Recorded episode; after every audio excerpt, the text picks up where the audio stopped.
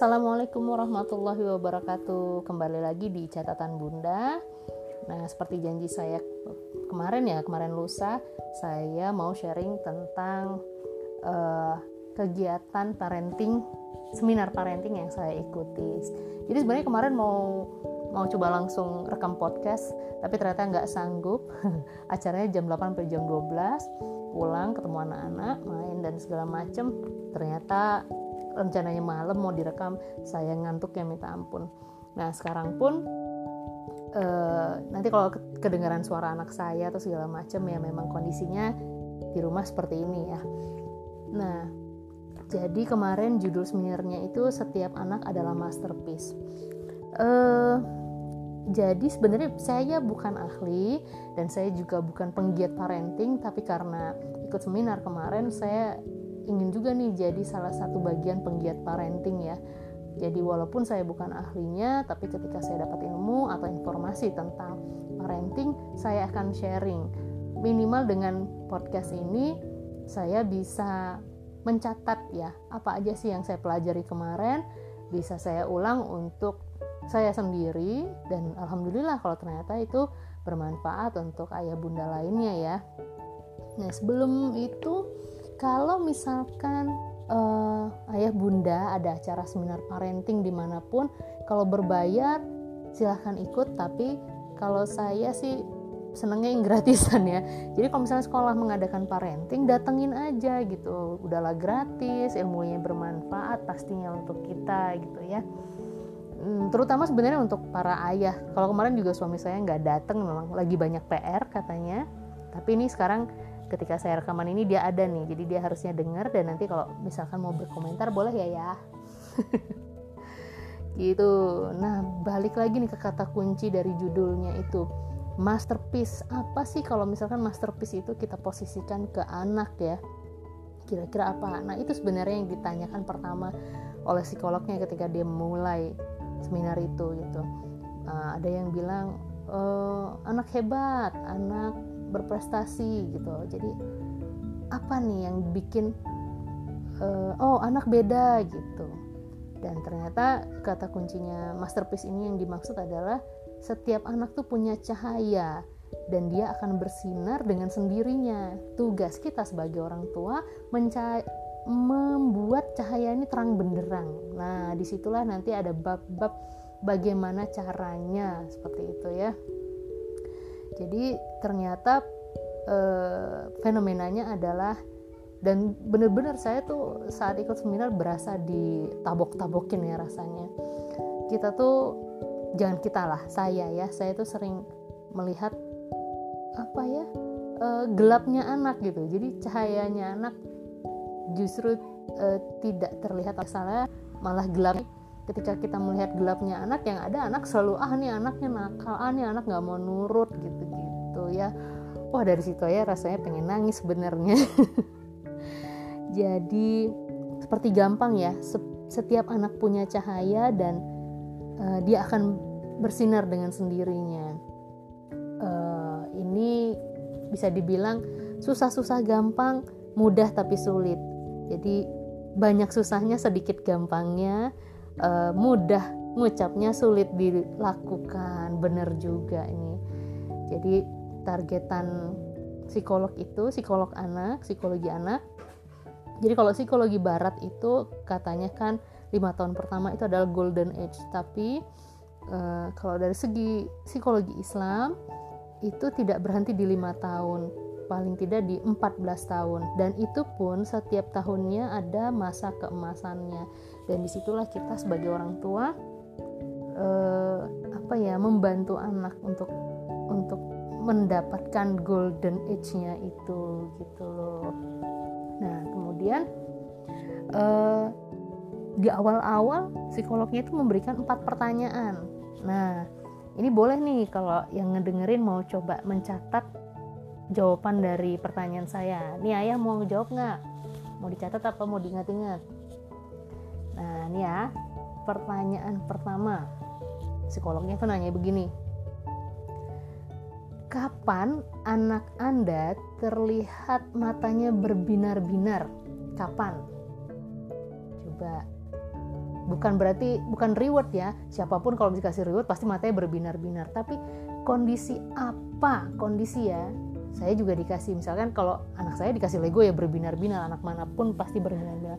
Tapi ini apa nih kondisi apa yang membuat anak kita tuh matanya berbinar-binar? Kalau sudah disimpan di dalam hati juga boleh. Pertanyaan kedua apa yang membuat binar mata anak itu menjadi redup? Apa dan kondisi apa gitu?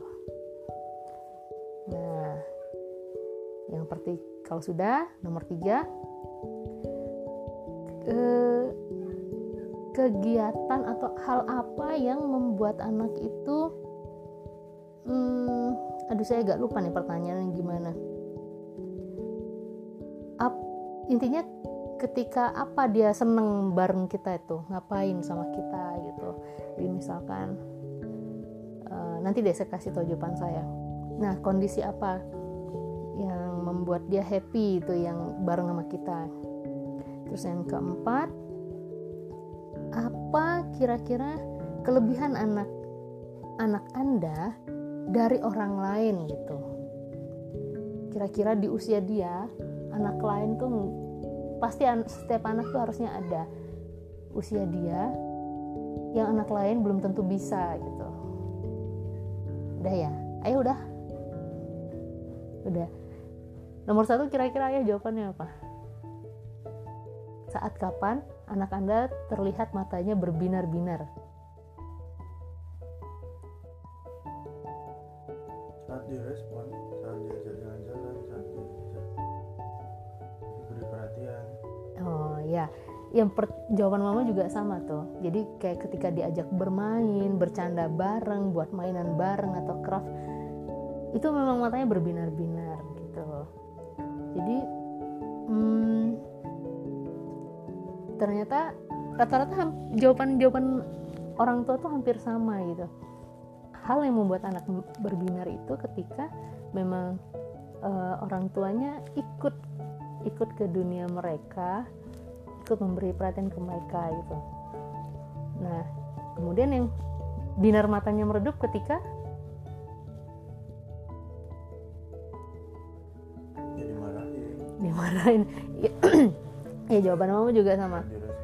Ya jadi ketika dia buat kesalahan kekecewa kecewa gitu loh. Nah rata-rata juga sama. Anak-anak itu nah cuman yang peran kita sebagai orang tua ternyata ketika jadi kayak tadi dia berbinar ketika kita masuk ke dalam kehidupan mereka.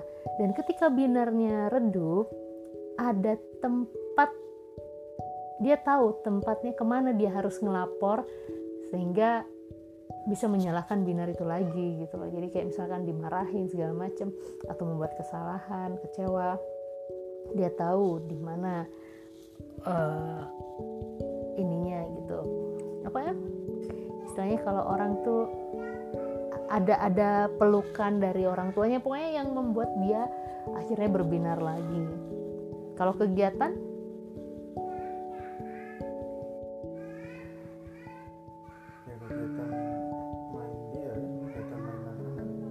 ya jadi ketika olahraga bareng uh, ataupun sama mama dia kan suka bikin mainan gitu ya.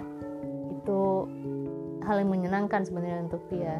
Dan yang terakhir itu kelebihan kelebihan? Ini sebenarnya uh, waktu itu cuman jadi kalau punya lebih dari satu anak diusahakan coba fokus ke satu anak dulu. Jadi kemarin mama ke Mirza sih ininya yang uh, jawabannya gitu ya. Nanti bisa bikin juga untuk Haira gitu kalau ini apa ya? Yang menurut ayah kelebihan Mirza dibandingkan anak lain. Suka main suka ngoprek ya. Hmm. suka ngoprek suka hal-hal kecil dia punya daya tahan khusus ke permainan atau kegiatan yang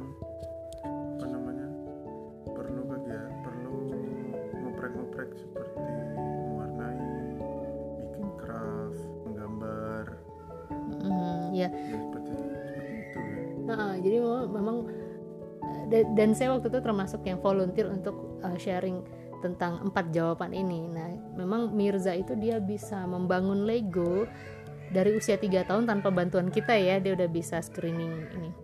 Ini kalau kedengeran sound effect ada yang nangis kejar-kejaran itu memang Mirza Khaira lagi main, lagi berantem ya, biarin aja, cuekin aja. Mereka happy kok sebenarnya. kalau lagi nanti ini paling salah satu ada yang masuk ngelapor. Nah, jadi intinya apa ya? Intinya cuma itu ternyata ya ya itu kata dia susah-susah gampang um, mudah tapi sulit gitu ya uh, banyak susahnya gampangnya sedikit uh, susah mudah ngucapinnya susah ngelakuinnya gitu. Jadi sebenarnya ternyata ya nggak ada tools yang akurat untuk tools psikologi ya untuk menilai anak itu sebenarnya nggak ada. Dan tool apa tools yang paling konkret yang paling akurat itu adalah orang tuanya sendiri karena orang tuanya tahu masing-masing jawaban. Jadi semua ayah bunda kemarin yang hadir itu sebenarnya bisa menjawab ini. Cuman kan masalahnya di konsistensi ya. Kita sendiri juga manusia kita sendiri punya masalah dan jadi ya ya itulah istiqomah itu sulit ternyata gitu. Jadi tugas kita itu menghidupkan energinya. Mata ketemu mata yaitu ketika kita dia berbinar-binar itu ya kita kita masuk ke dalam kehidupan mereka. Mata ketemu mata jiwa ketemu jiwa gitu. Jadi hak anak lah yang harus kita isi gitu. Nah ketika redup atau tidak optimal energinya dia punya tempat untuk ngecharge gitu. Jadi bukan HP aja bukan laptop aja yang butuh charge. Dan ternyata anak pun itu butuh charge. Dan sebenarnya kita juga butuh charging itu ya. Kalau orang tua kalau anak charge-nya yang yang yang lama kalau orang tua tuh tipsnya memang kita harus kalau HP tuh cari yang fast chargingnya gimana gitu. Jadi jadi sebenarnya kalau parenting tuh tidak hanya berbicara tentang anaknya tapi juga orang tuanya harus gimana. Ini sebenarnya babnya panjang ya jadi kayaknya nggak mungkin dalam satu sesi nanti kita coba saya coba sharingnya mungkin dua atau tiga sesi rekaman ini ya untuk berbagi. Nanti kalau misalkan memang ada yang yang mau bertanya silahkan tapi saya bukan menjawab dari segi uh, ahli tapi pelaku parenting gitu ya. Karena saya punya dua anak dan kebetulan anak pertama ini uh, spesial banget buat kami berdua. Soalnya dari anak pertama banyak belajar banget ya. Begitu. Nah kemudian yang menarik lainnya uh, masuk sesi pertanyaan berikutnya. Pertanyaan ringan dan waktu itu jadi dijadikan door prize. Jadi ditanya siapa? Kebetulan ini dikhususkan untuk ibu-ibu ya. Siapa yang bangun pagi tidak lupa membaca doa. Membaca doa bangun tidur kemudian dengan tenangnya gitu ya Allah terima kasih aku sudah dibangunkan gitu kan. Wah itu ibu-ibu senyum-senyum. Yang ada ternyata bangun pagi tuh langsung genderang perang gitu ya. Aduh jadi sarapan hari ini apa? Dan di, dari tempat tidur aja kita udah tahu stok di kulkas isinya apa segala macam. Gitu dan itu semua pada kirain mama sendiri. Ternyata ibu-ibu yang lain pun sama. Wah begitu bangun PR si kakak udah selesai belum ya? Bukunya tadi udah dimasukin apa belum? Wah itu udah lupa bersyukur. Tapi dari sekian banyak adalah satu dua ternyata yang yang melakukan hal itu ya. Ini step pertama dari bangun tidur. Bangun Bismillahirrahmanirrahim Alhamdulillahillazi uh, apa uh, apa sih baru bangun tidur tuh. Gak pernah dipraktekin. Alhamdulillahi ahyana ba'dama amatana wa ilahi nusyur. Ah, makasih ya Allah sudah dibangunkan dalam kondisi segar gitu kan. Itulah rasa syukur. Jadi ternyata bangun tidur itu sudah harus dinikmatin ya. Jadi supaya tidak tidak merembet ke yang lain-lainnya. Terus step keduanya nih. Ada nggak? Pertanyaan si si psikolognya yang dengan tenangnya dengan lembah lembut membangunkan anak kakak. Sudah subuh yuk sholat subuh nak. Bangun dituntun baca doa. Dan ternyata sebagian sebagian ibu-ibu ya sama. Kakak bangun udah siang. Gudak gudak ya begitu. Ya sama adalah satu dua orang yang mengaku dia bisa bangunkan anaknya dengan tenang. Tapi kalau anak saya kayaknya dibangun tenang malah malah tambah tenang tidurnya. Gitu. Nah itu orang-orang yang akhirnya dapat door prize kemarin. Jadi sempat menanyakan mimpi apa tadi malam nak? Gitu. Nah akhirnya masuk step 3 ditanya lagi. Ketika sudah sarapan tersedia ya anak udah bangun sarapan tersedia nah ini sesi sarapan. Hai ade. Tunggu sayang ya. Nah, ini nih tema lama. Saya pikir anak saya doang yang lama ketika sarapan segala macem. Dan ternyata harusnya dihadapin dengan kenapa nak? Telur dadar mama nggak enak?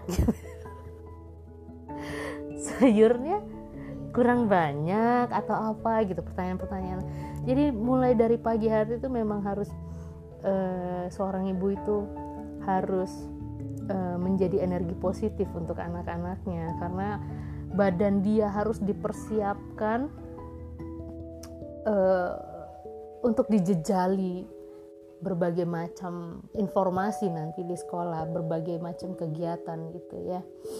Nah, itulah lucu ya. Dan ternyata memang uh, ada surat Al-Isra Al-Isra ayat 84 nanti bisa dibaca yang intinya sebenarnya tidak bisa disarankan eh tidak bisa disamakan untuk tiap anak.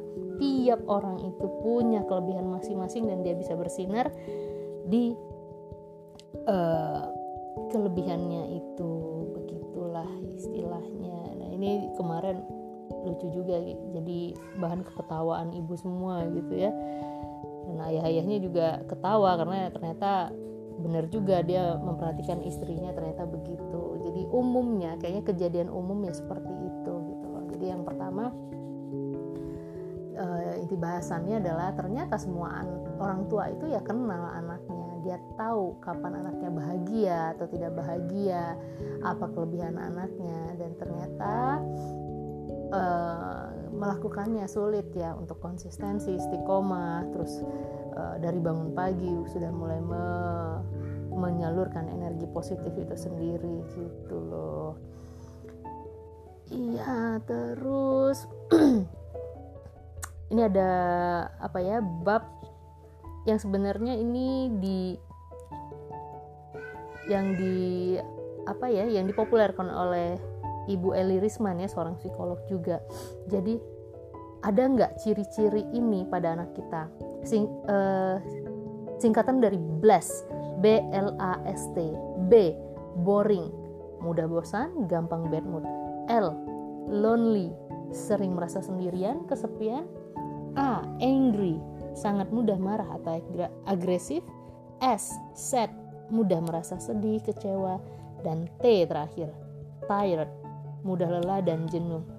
Nah, eh, kalau aja anak ini sudah mengindap dua aja dari ciri-ciri bless ini, nah itu menandakan they not happy ya, mereka tidak bahagia dan itu adalah warning.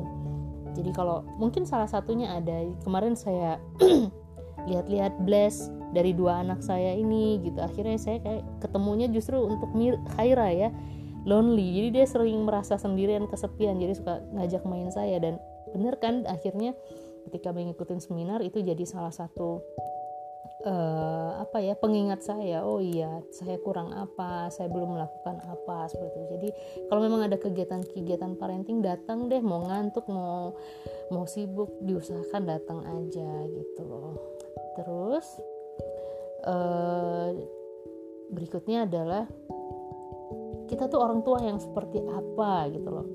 Ini ada tiga tipe orang tua. Yang pertama, senang mengatur, memastikan anak mengerjakan apa yang kita minta.